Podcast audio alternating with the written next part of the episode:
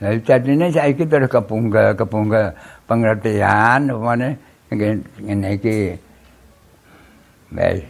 Iki arek banter sing di banter sing tengen suku tengen jangkase. Banter kiwa hmm. suku kiwa jangkase. Selamat. Nggih nggih. Sak derenge nglajengaken mirsani video sak jangkepipun kula aturi kapurih nutul tombol subscribe supados boten ketinggalan video sak lajengipun. Kagem kemanfaatan video menika monggo dipun like, komen lan ugi share. Mugi panjenengan sedaya pinaringan seger waras, bejo bejo akhirat, rahayu rahayu rahayu sagung dumadi.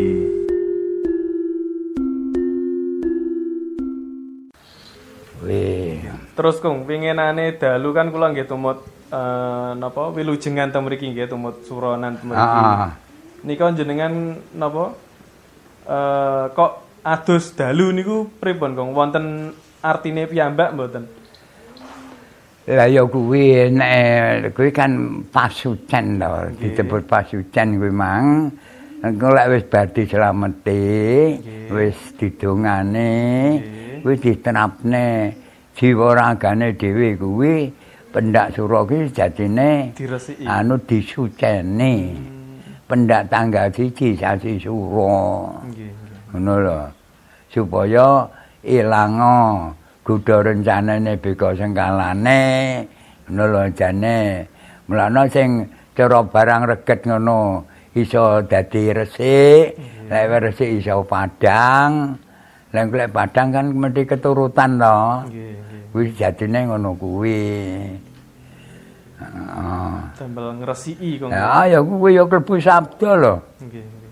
Ora ora mek karangan lho kuwi. Nggih. Biyo klebu sabda. Enek benere paman-paman teko ngono enek benere. Mergo enek apa? Enek ngangge sekar taman. Nggih. Lah kuwi nyeram tuh nyambung tuh Gusti Allah tumuwuh nyang aku lan kowe iki iso cara barang renggang iso utuh neh nek barang alum iso seger maneh. Hmm. Ngono lho. Wih.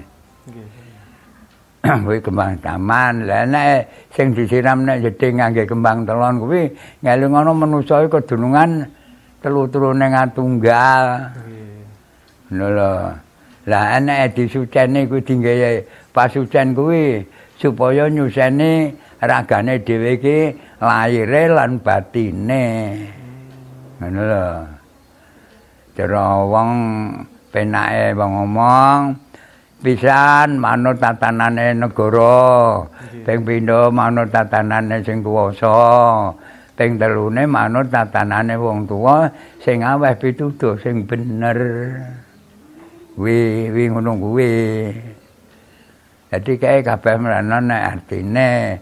Lah ditesane obong-obong kuwi mang sene mulai ibu bumi bapa bapa ngakoso utawa danyang bale pomahan danyang desa sak teruse kuwi mulai tekane danyang tanah Jawa. Wih. Kersane dihormati ah. ngoten kok nggih. Lah ya ngurmati awake dhewe ngurmati iki supaya selamat. Nggih.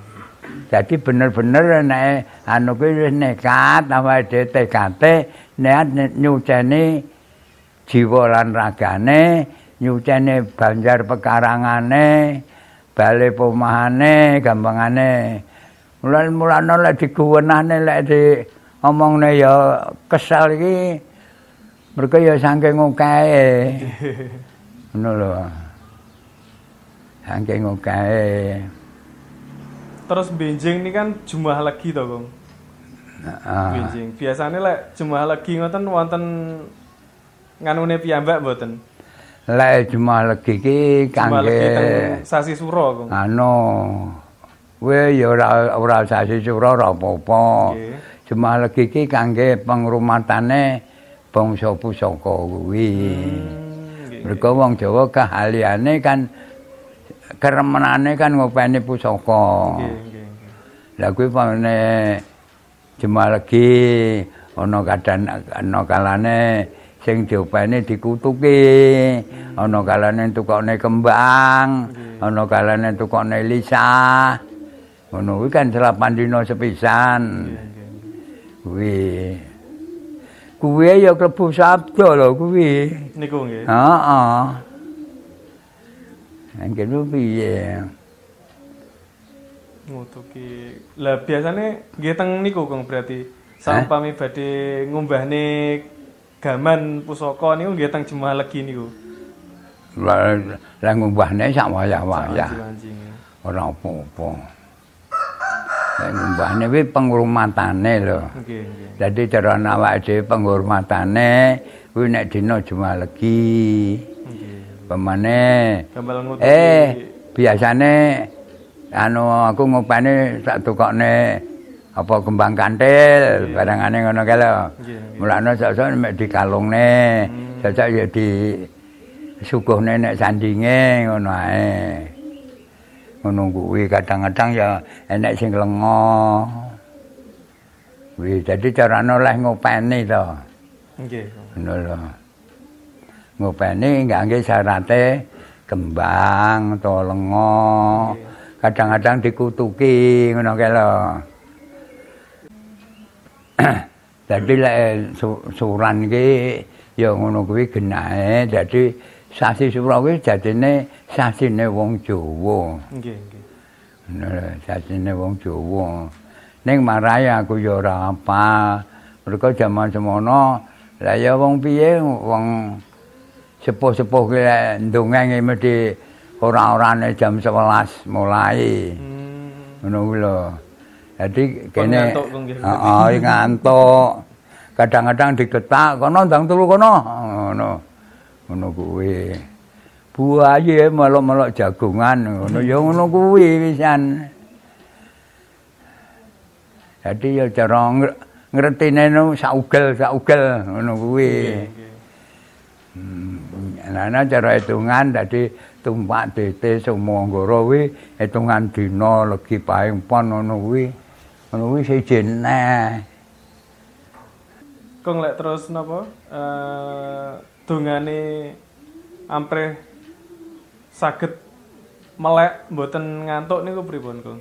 Kan sura-sura niki kan wancine melekan. Dongane kan ya mek kene wis tak omongne to dhisik kae. Nggih. Nyatengsun dat melek melekku dat salatku nurolah ingsun wis meneng Allah.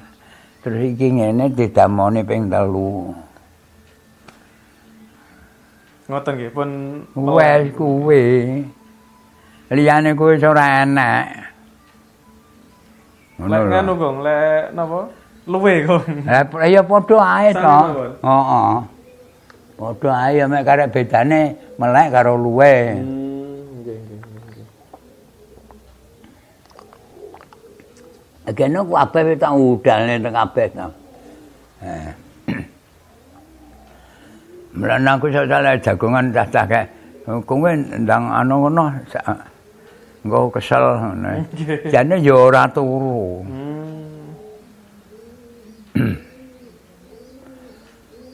Ya sak sak mampu-mampune iki ya melok-melok tirakat. Nggih. Panjen ya bau tuwek iki mang ya sak mampune. Kon los kaya jaman Cik Nom kae ora wani. Jaman Cik Nom lek sak kateke ora apa-apa.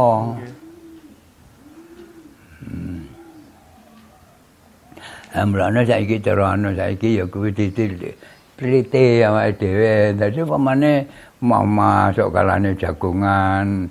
Kuwi menurut bae aku dikerang di kandane gentongnya udah sampai saat Nggih. gendong nek anu ku lho terus daringannya udah sampai entek ya lah kuwi cara lek wis daringan kuwi lah lek beras kuwi mang dadi kudune apa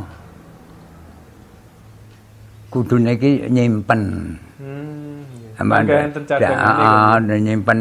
Pemane kene daringane biasa nggih anu kudu nek simpenane mah ora ketang bendina dheweke sak jumpit sak jimpit gak apa-apa. Nggih. Ngono lho. Kuwi ben awet. Terus kong kula riyen iki nate mireng pas alitane pas Apa? alitane kula riyen. Atau lek pendak sura ngoten Lelembut-lelembut niku padha metu kok nggih. Pancen ya ngono. Pripun niku? Kuwi padha metu kuwi mang soalé apa?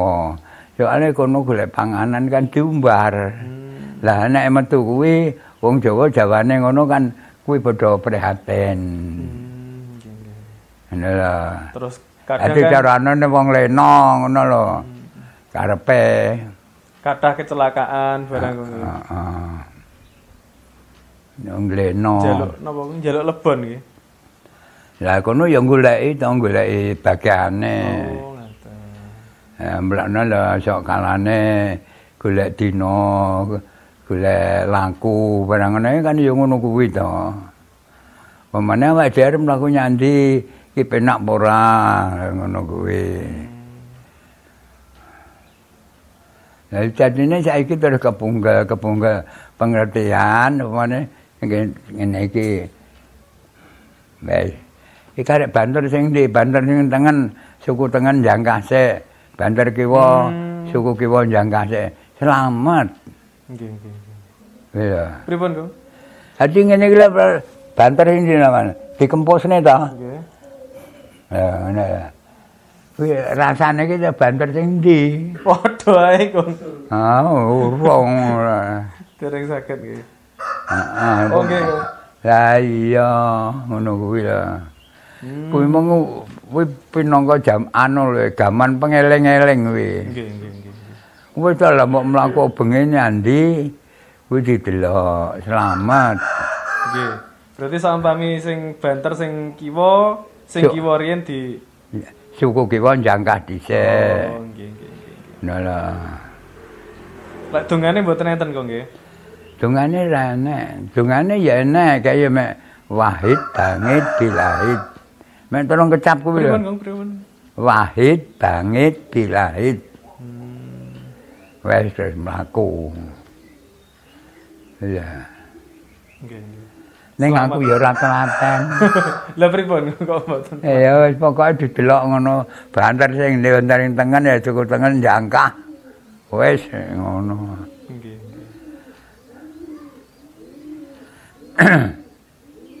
Dongane ya sing ngono kuwi. Masih arep lunga ya sing ngono kuwi men wahid bangit bilahid. Wis diwaca ping telu wis. Wis budal. Kuwi wis ora kena balik nyang omah. Yang jero omah ora kena. Hmm, Masih- maca nggih teng pelataran Ya wis parepe budal ngono kae. Nggih. Eh. Aduh ngono wis budal didelok banter sing kiwa wis budal. Maneh rake keri apa maneh wis ora kena baleni. Nggih. Kaya tuku nang dalan ngono. Terus lek nganu Kong, nyambat dino Kong, Eh? sampe nyambat dino. Pripun niku? Lek kula kan ate diwarai kalih Mbah Pinga. Niku lek medal Kuwi nyambat dino sampe lek nyambat dina kuwi kan penganoman. Aku gak duwe kuwi. Oh, ngaten. Nah, Pengalaman. heeh. Kuwi gak duwe aku. Lah kok panggah nom ae, Kong? Eh? Lah kok panggah nom mawon? Lah karo sing kuwasa panggah dandan. Lah riyen pas kula alit niku jenengan nggih sak menten kayak sakniki panggah sak menten. Lah ya ngono kuwi. Kuwi banyak ya kersane ki nutrate dhewe-dhewe. Nggih. Lah aku ya ora duwe penganoman. Lah lek kuwi jumlahe ngono kuwi tinggi penganoman. Dadi pamane ngono kuwi cara dina, aku tau ngrungokne, ngrungokne jaman mbae, mbae Cik Sugeng e. Iki tanggal piro. Nggih. Dari tanggal 3 mbok aku ki ngono. Antune dhek iki meneng ae. Lah panjenengan mboten dawuh nuso. Dawane tanggal 1. Kuwi mang dadi jambate kono pisan sak nom-nome kahanan sing tak adep kuwi. Aku mek ngrungokne lho kuwi. Nggih, nggih. Karo sak nom-nome tanggal 1 iki sik luweh nom aku. Ngono lho.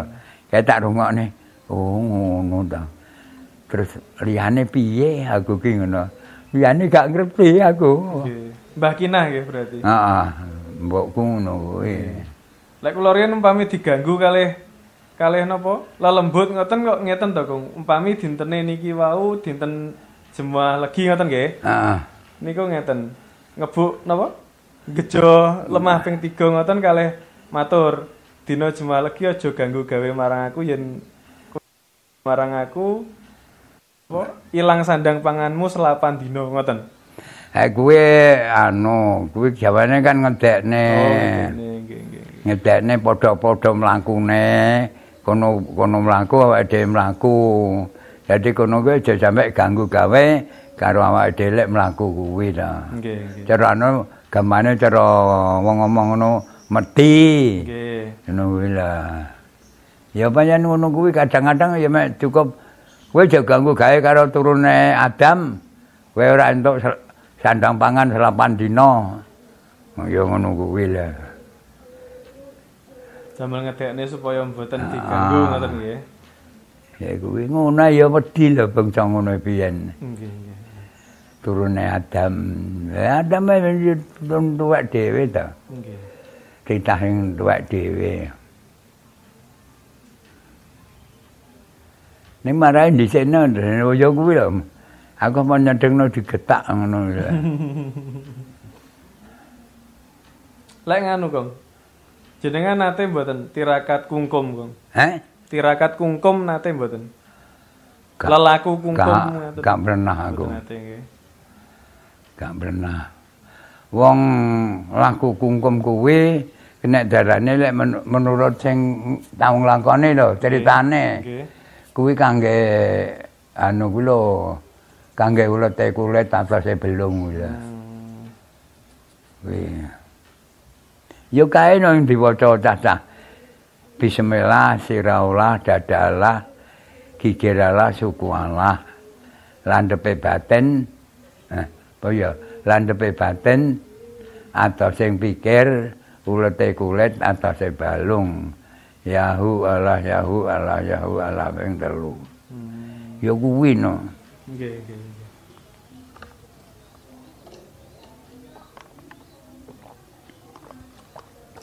Tapi aku ya ora ngecakne. Nggih. Jenengan kan biasane ngajakne to, Kang. Heh? Jenengan kan biasane ngajatne. Lah niku kula kula mireng niku jenengan mesti ngucap ngeten, Kang. Mesti ngucap napa sedulur ingkang karimatan lan boten karimatan niku terus pripun? Sing sedulur sing cedhak tanpa Oh. tanpa sinanggengan niku lho, Kang.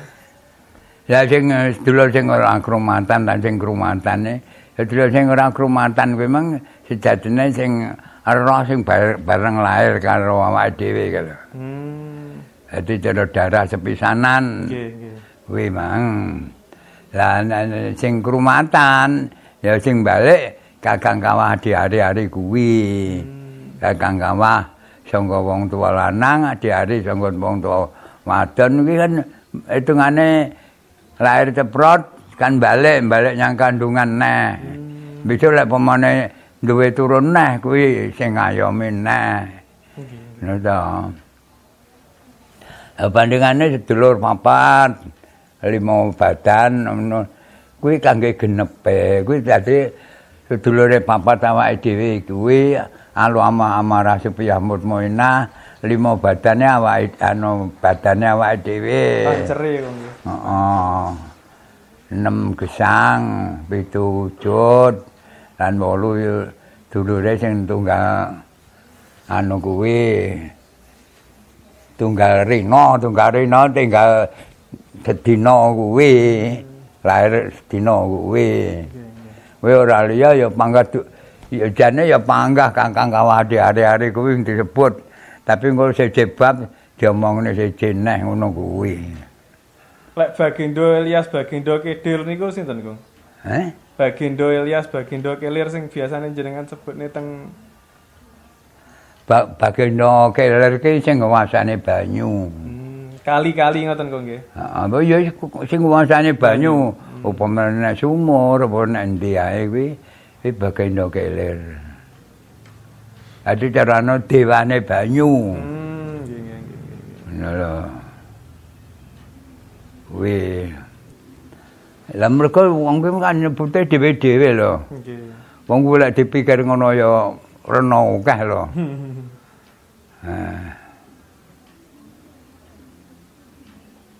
Mereka wae dhewe pamane celarek ngene iki no. Ya ora padha. Sak tunggal sak desa kuwi lho. Saya engke tunggal sak negara wis akeh nah. Ngono kuwi. Kong lek nganu, Kong. Hah? Eh, kula nggih nate mirang-mirang niku enten tiyang matur niku ngeten. Urip sakjroning mati, mati sakjroning urip niku maksudnya pripun maksudnya? Urip sakjroning mati iki wong wong ngenengne. Nggih. Mati sakjroning urip iki padha ae. Soale mati sakjroning urip ketoke wong mati ning dadine urip. Padahal wong meneng. Ini ketoke kan wong mati to. Nggih, nggih. Iki dadine urip. Lah urip sakjroning mati kuwi ya wong turu kuwi. Hmm. Paham? Nggih. Lha kuwi dadine kuwi dingge dingge bantahan. Maksudnya dingge bantahan padha karo dingge blundrungan.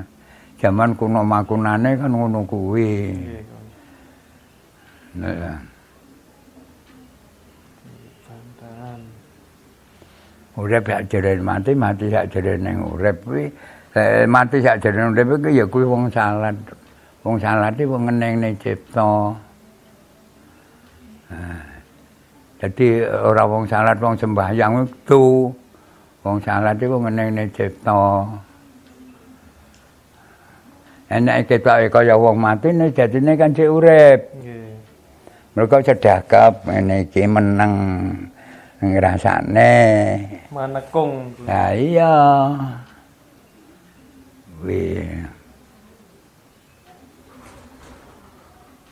Itu runo-runo lah saiki lek diucapne ngono. Pancen ya wis wayahe wayahe kebuka lho. Nggih. Wayahe kebuka iki. Engko kelingane pandengane dibuka, awake dhewe padha karo dikoplak ngono kae agek kelingan. Mereka kelingane sing oh iya wong tuwek-tuwek kae tau omong ngene, tau omong ngene. Ngono kuwi.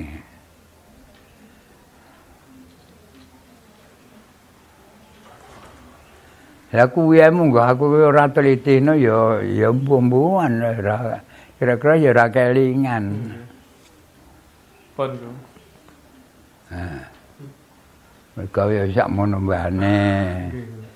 Kong, teng wingking niku wonten gamelan, Kong nggih. Eh? Teng wingking niku wonten gamelan. Heeh. Gamelane sinten? Gamelane jenengan. Heeh. Kae kae cek tahun oh cek wis ra enak tenan kae. Nggih, nggih. Lek gamelan niku wonten nganune mboten, Kong? Wonten artine mboten, Kong? Enak kuwi aku tapi ora hafal aku. Mboten nggih. Maksudnya ngeten, Kong, napa wonten pituture mboten ngoten lho. Enak. Kados ning nong ninggung, artine Ah, ah. napa ngoten. Enak. Pandengane kenong lima, Nggih. kenong telu, terus dodo, terus kenong pitu. Pandengane ngono kuwi lho. Nggih. Lah gong iki ya ngono. Genong siji, gong siji, gong loro. Gong telu, lima, enam, Ya ngono kuwi. Kuwi gonge. Wonten nganune piyambak nggih. Heeh, tapi gak hafal aku. Ya bener tau badut tapi ora hafal. Nggih.